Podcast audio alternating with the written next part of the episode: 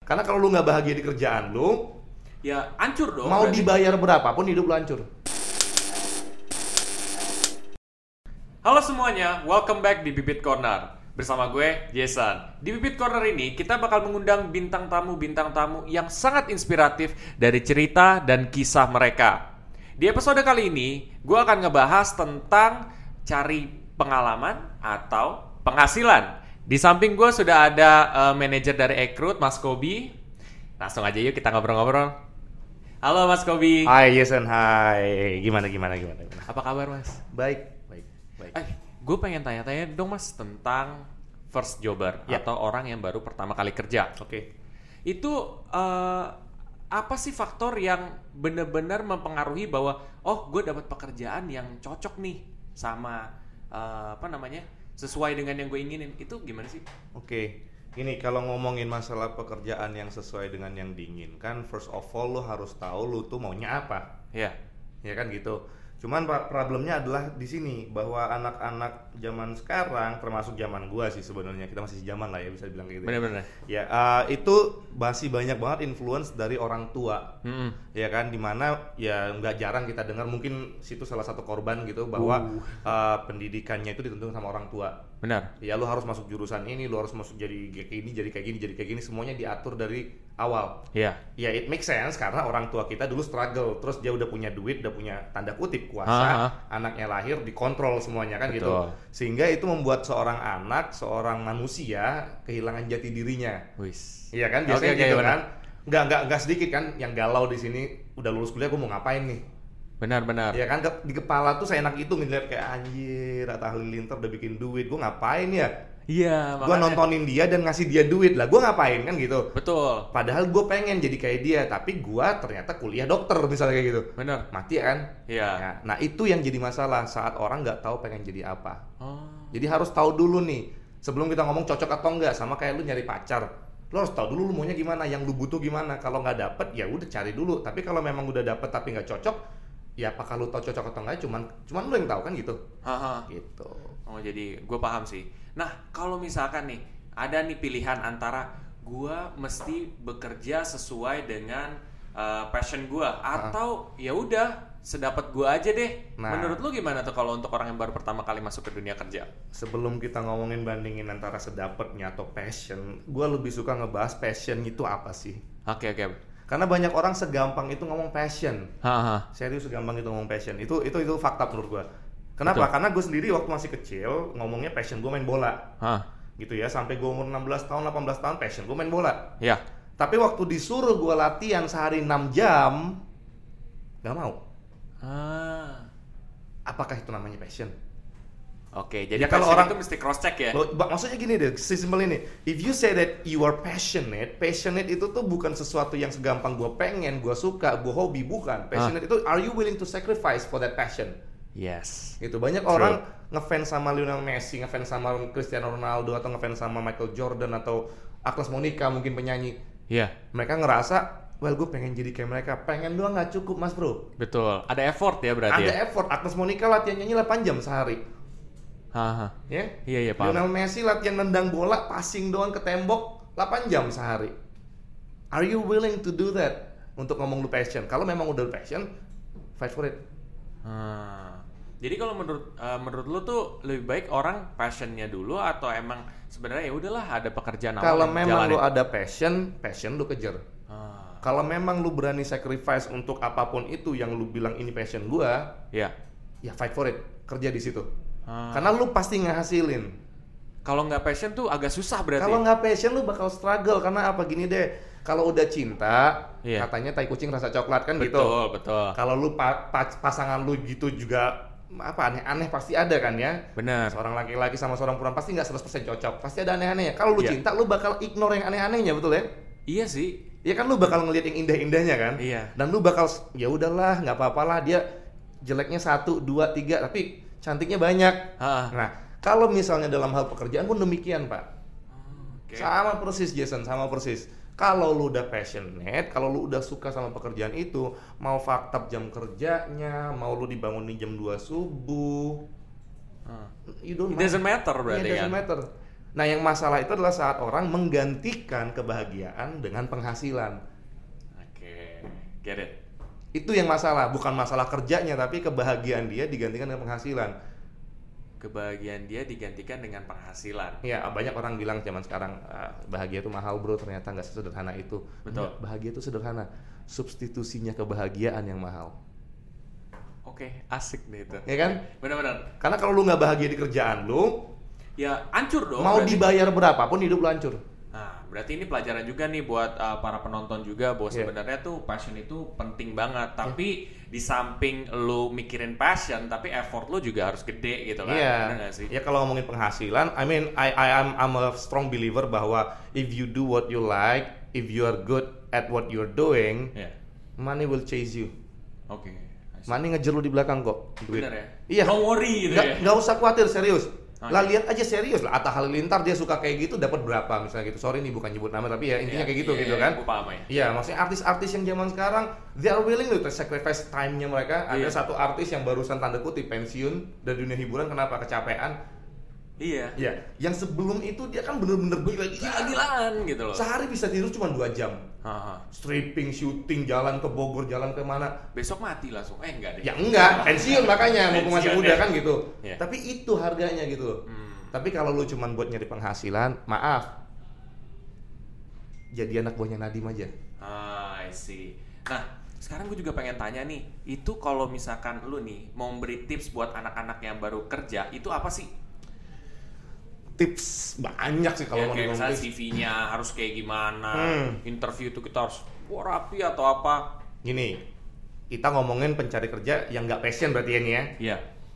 karena kalau ngomongin yang passion gak usah disuruh mereka tahu mau ngapain kan gitu kan Benar. kita ngomongin untuk pencari kerja yang nggak passion yang yang menurut mereka kayak ya udah yang manapun itu asal gue bisa dapat kerja gitu ya Oke. jadi menyambung hidup kan gitu Ah. oke saran gue satu nih lu baru lulus lu belum punya pengalaman kerja Hah, tapi minimal lu punya pengalaman hidup kan hah, punya berorganisasi ya kan Iya. bisa mungkin pernah nyoba bisnis hah. mungkin pernah ikut lomba nyanyi Hah? abang none whatever it is put that in Oke. gitu ya terus kayak skripsi lu tentang apa terus apa lagi ya kayak ada diskusi lomba segala macam Put Jadi- that in. Jadi apapun yang pengalaman yang lu udah pernah lakuin, apa yang lo iniin, Ya. taruh aja situ. nah tapi jangan harap dengan lu taruh itu 100% bakal dapat interview atau dapat kerjaan Hmm, Kenapa? It's just to give the HR people or the company Hmm. perusahaan itu untuk mengenal lu lebih baik lagi dari selembar ser- kertas CV lu gitu loh. apa yang lo bisa jual lah ya. Betul, Oh, Nah. karena kan ya bisa dibilang nggak ada yang kenal lu sebelum lu kerja kan gitu. Iya, you're nothing lah. Iya, you're nothing. somebody. Everyone of us di sini gitu kan. Iya. Kita nggak bukan siapa-siapa sebelum kita buktiin waktu kita kerja gimana gitu kan. Betul. But then, orang bisa menilai kita berdasarkan apa yang kita taruh, apa yang kita katakan. Ah, Iya sih benar-benar. Ya nggak, orang nggak pernah tahu nih pengalaman yang beneran nyari kerja tuh gimana, passionate seperti apa. Hmm. Kalau mereka belum nyoba kan gitu. Betul. Kalau kita ngomong kayak gini, mereka they just get the rough idea. Rough idea doang. Ya, sama gunanya CV, gunanya introduction itu seperti itu, cuma ngasih rough idea. Nah, Nah. tapi pas di meja interview tuh kita harus ngapain atau mungkin kayak iya pak rapi terus diem or kita Nah. lebih talk aktif gitu loh. To be honest, ini agak sedikit tricky di sini. Ya. Gua sendiri ya dengan pengalaman interview banyak orang, gua tuh lebih suka. Ini gue pribadi nih Iya. ya, nggak mungkin nggak semuanya HR juga kayak gua gitu kan. Gua pribadi lebih suka orang yang kelihatan entusias. Oh. gitu yang waktu datang salaman shake-nya kenceng gitu kan duduk tenang lihat mata mata gue dengan baik gitu kan Oh. menyimak duduknya juga nggak terlalu kaku kayak gini karena kalau terlalu kaku kayak gini berarti dia satu dia nggak pede kedua mungkin dia memang bukan orang pinter Oh gitu. karena ya. nggak ada tuh orang pinter jarang banget gue liat ada orang pinter yang duduknya kayak gini Mal pemalu gitu ya. bahkan pemalu kalau dia pinter nggak kayak gini duduknya orang yang kayak gini tuh merasa bahwa dia sedang memenjarakan dirinya sendiri kan ada body language kan segala macam gitu kan Nah buat orang-orang yang kayak gitu tuh saran lo kayak gimana emang yang dia malu introvert atau apa terus dia kayak gue harus bisa beraniin dia gitu. saran Gimana? saran gue know yourself Know yourself ya.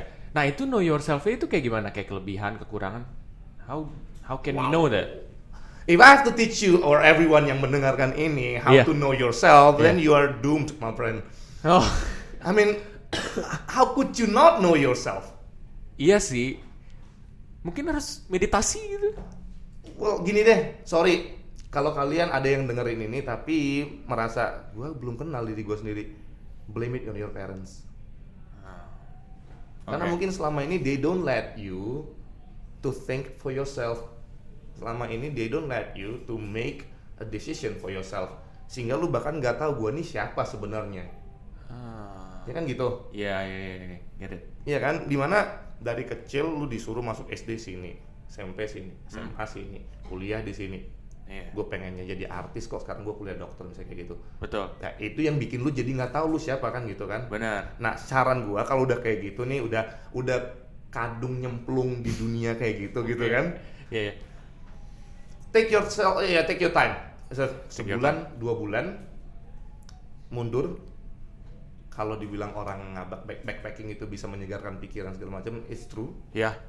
bisa dibilang apa ya retreat jasmani rohani mental Hah? retreat pergi dari semua yang bisa selama ini itu menginfluence Distract lu. lah ya yang distract. bukan distract tapi influence Oh, influence. Oke. ya Di- pergi dari semua yang menginfluence lu selama ini think for yourself think Oke. for yourself analisanya seperti ini simple kalau gue ditanya apa yang cocok buat gue pekerjaan yang cocok buat gue sesimpel ini apa yang bakal eh, kira-kira pekerjaan apa yang gue akan dengan senang hati lakukan Iya. tanpa dibayar Dengerin itu. gitu Iya, iya, paham. itu baru sesuatu yang gue suka kan gitu kan Ah, ah.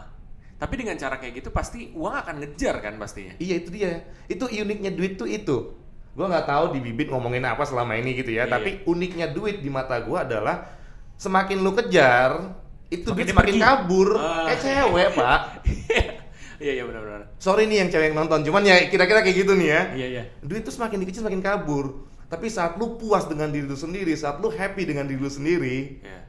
ngikut tuh semua lu Bener-bener pelajaran banget tuh buat kita bahwa kita tuh jangan berusaha untuk mengejar uang aja, tapi kita untuk lebih apa ya eh, mengejar passionnya, effortnya. Jadi tuh uang akan ngikut sendiri gitu loh. when you're happy saat lu kebahagia semesta mendukung pak Nah, gue mau tanya-tanya juga nih soal ekrut. oke Oke, nah ekrut ini kenapa sih exist? wah karena dibikin Oh, gimana Iya bener-bener. nggak karena sebenarnya ada satu celah Hah? menurut gua ada satu celah di dunia rekrutmen yang apa ya sebenarnya kan bukan gua yang bikin ya Iya. cuman kebetulan satu visi aja lah satu pandangan aja sehingga value nya sama kita menganggap bahwa banyak hal di dunia rekrutmen yang sejak tahun berapa 1800 1900 nggak berubah Iya. Ya, I mean dari dulu ya sama kayak lu ngasih CV, Hah? dibaca, ditentuin nasib lu lolos atau enggak, di interview kan gitu kan. Bener. Terus perusahaan itu kayak nerima CV itu bisa ratusan, 300, 500, 1000. Iya. Terus HR-nya perusahaan ngebaca CV segitu banyaknya kayak orang gelap gitu kan. Ah, ah, ah. Ngabisin waktu berapa puluh jam untuk ngebaca CV gitu banyak Benar. Oh. cuma untuk mendapatkan satu orang. Betul. Nah, itu kekurangan yang ada di dunia rekrutmen. Iya. Ada sih yang namanya headhunter. Betul. Headhunter itu adalah dimana HR tinggal bayar orang tugas ngebaca CV-nya orang lain kan gitu. Betul. Jadi orang apa company lain ini atau orang lain ini akan memberikan gua CV terbaik doang. Jadi si HR perusahaan ini cuma baca 3 sampai 5 CV cukup. Betul. Ya kan gitu. Tapi itu mahal. Ekrut gimana? Nah, Ekrut ini tadinya kayak gitu. Tadinya kita Tadinya bantuin HR untuk ya udahlah sinilah. Lu pusingnya apa, gue cariin CV-nya, lu gua kasih 3 sampai 5 CV kan gitu. Benar. tadinya kayak gitu cuman makin kesini makin ngelihat bahwa ini tidak solve problem untuk banyak orang atau banyak perusahaan karena yang Hmm. mampu bayar segitu tuh cuman sedikit pak Oke, iya benar. akhirnya kita bikin sesuatu yang lebih affordable Ah. dimana yang ngebaca untuk perusahaan tuh yang ngebaca CV-nya bukan manusia jadi bisa lebih Robot cepat lagi or- AI AI, Eh, ah, oke. gitu nah untuk pencari kerjanya Ah. yang kita tanggulangin adalah masalah di mana adanya PHP Pem- pemberian, harapan, palsu. Jadi Oke. orang ngeplay ngerasanya ya, sorry nih, sorry banget ngomong kayak gini. Cuman di Indonesia itu banyak banget orang yang kecanduan agama. Oke, ya baik. Artinya apa? Pencari kerja aja udah tinggal klik habis itu berdoa. Kagak gitu, Mas Bro. Ya kan jamblang bukan kayak gitu caranya. Oh gitu ya. Kalau lu udah ngeplay, lu cari tahu siapa HR-nya, lu cari tahu gimana proses di sana, lu ta- telepon lah, tanya. Effort gitu ya. Effort lah, do something gitu loh. Benar, benar, Lu benar. kalau lapar, lapar nih Nggak mungkin berdoa nggak doa aja- kan? Ih, nggak ada kan Nggak bisa. nggak gitu. bisa Makanya nggak turun derajat. bahkan gojek aja lu pesan lu harus turun jemput makanannya kan kayak gitu Betul. nggak ada tuh yang nggak ada effort tuh nggak ada Betul. zaman sekarang orang nyari kerja expectnya apa gua klik sekali gua berdoa ya Allah gua dapat pekerjaan teng tiba-tiba langsung jadi direktur cuki mana nggak nggak nggak pernah Baik baik. itu Iya. yang mental yang salah Ah, Jadi kalau memang ngomongin nyari kerja, ya itu caranya. benar-benar. Terus kenapa sih Ekrut berbeda dengan yang lain kompetitornya? Let's say mungkin kayak Jobstreet. Nah or- ya, kita memberikan tadi kepastian ke talent Hmm. atau ke orang yang nyari kerja ini kita kasih pastian. Jadi lu kalau udah daftar di Ekrut, lu langsung di guide sama yang namanya talent advocate Iya. sama rekruter kita. Ah, ah. Jadi untuk segala informasi mengenai lowongan pekerjaan di luar sana, mereka yang bakal ngasih tahu. Oke. Gitu Ada kayak notification gitu? telepon, Oh telepon. they chat you, they call you, Pak, ini ada lowongan yang cocok buat Bapak. Ah, Itu tagline kita apa? Sekali apply babe, babe apply ya. Sekali apply banyak lowongan yang menghampirimu. Intinya gitu. Wih. Tapi babe apply bener-bener kayak lu tinggal sekali doang daftar di Ekrut, udah kita cari kerjaan. Oh jadi udah tinggal tenang ya sebenarnya. Tenang. Ya cuman kalau lu cupu ya lama dapatnya. Ya makanya memperbaiki diri, banyakin pengalaman itu juga memperbaiki- Positifnya kayak gitu. Betul. Lu di- tiga bulan nggak dapat kerja, bukan berarti tiga bulan lu cuman berdoa doang kan? Iya benar-benar. Ya, lu tiga bulan itu ya baca buku tadi lu bilang, Iya. perbaiki diri. Iya. try something maybe coba jualan so that when the time comes lu dapat undangan interview lu udah punya value lebih daripada sekedar yang tiga bulan atau empat bulan lalu di mana lu belum belum punya pengalaman apa apa Betul, betul, betul. gitu at least coba jadi tanda kutip SPG kalau cewek kalau cowok SPB misalnya gitu Iya benar. coba aja dulu Just try gitu. iya the worst that can happen to you adalah dapat duit Eh, Iya. is it worst Iya kayak gitu. ya enggak kan enggak worst kan dapat duit Paling kena marah untuk awal-awal. siapa yang marah Ya mungkin bosnya. iya konsekuensinya sih Iya sih benar. Emang lu sejago itu kerja nggak ada salahnya? Hmm, ya udahlah. Iya iya benar. Main bola kena tackle marah, Hmm, mana boleh? Nggak mau di tackle nggak usah main bola kan gitu. Iya. Benar benar benar. Sama. Nah ini ini banyak yang banyak yang merasa banyak yang merasa entitled Ah, ah, ah. bahwa this world owe me a big thing. Eh, No, No nothing. fight for it. Bo. Iya iya benar. Lu jomblo, jangan sedih doang pasang di Instagram. Fuck siapa yang mau sama gue ya? Gue bisa mati jomblo kayak gini. Cari, Cari effort ya. iya cari. Eh. Kerja juga sama. Hmm, I see. Iya benar-benar sih. Nah itu buat pelajaran kita semua dan gue mungkin bisa menarik kesimpulan di sini bahwa kalian nih misalkan yang baru pertama kali mencari pekerjaan, kalian itu harus tahu dulu kalian kelemahannya apa, kelebihannya apa. Nah itu tadi udah dikasih tips tuh sama Mas Kobi juga mungkin bisa traveling atau kemana. Yang penting tuh kita tahu dulu kelemahan dan kelebihan kita. Setelah udah tahu, ya udah kalian tuh bisa eh, naruh di CV kalian apa yang kalian lakukan sebelumnya dan lain sebagainya itu menjadi apa ya nilai tambah ketika kalian ingin masuk kerja. Mudah-mudahan apa yang disampaikan oleh Mas Kobi juga ngebantu kalian untuk yang baru pertama kali masuk kerja. Oke semuanya, eh, itu aja dan terima kasih Mas Kobi. Thank you Jason udah undang. Oke ya sama-sama. Sampai jumpa di podcast kita selanjutnya. Bye bye.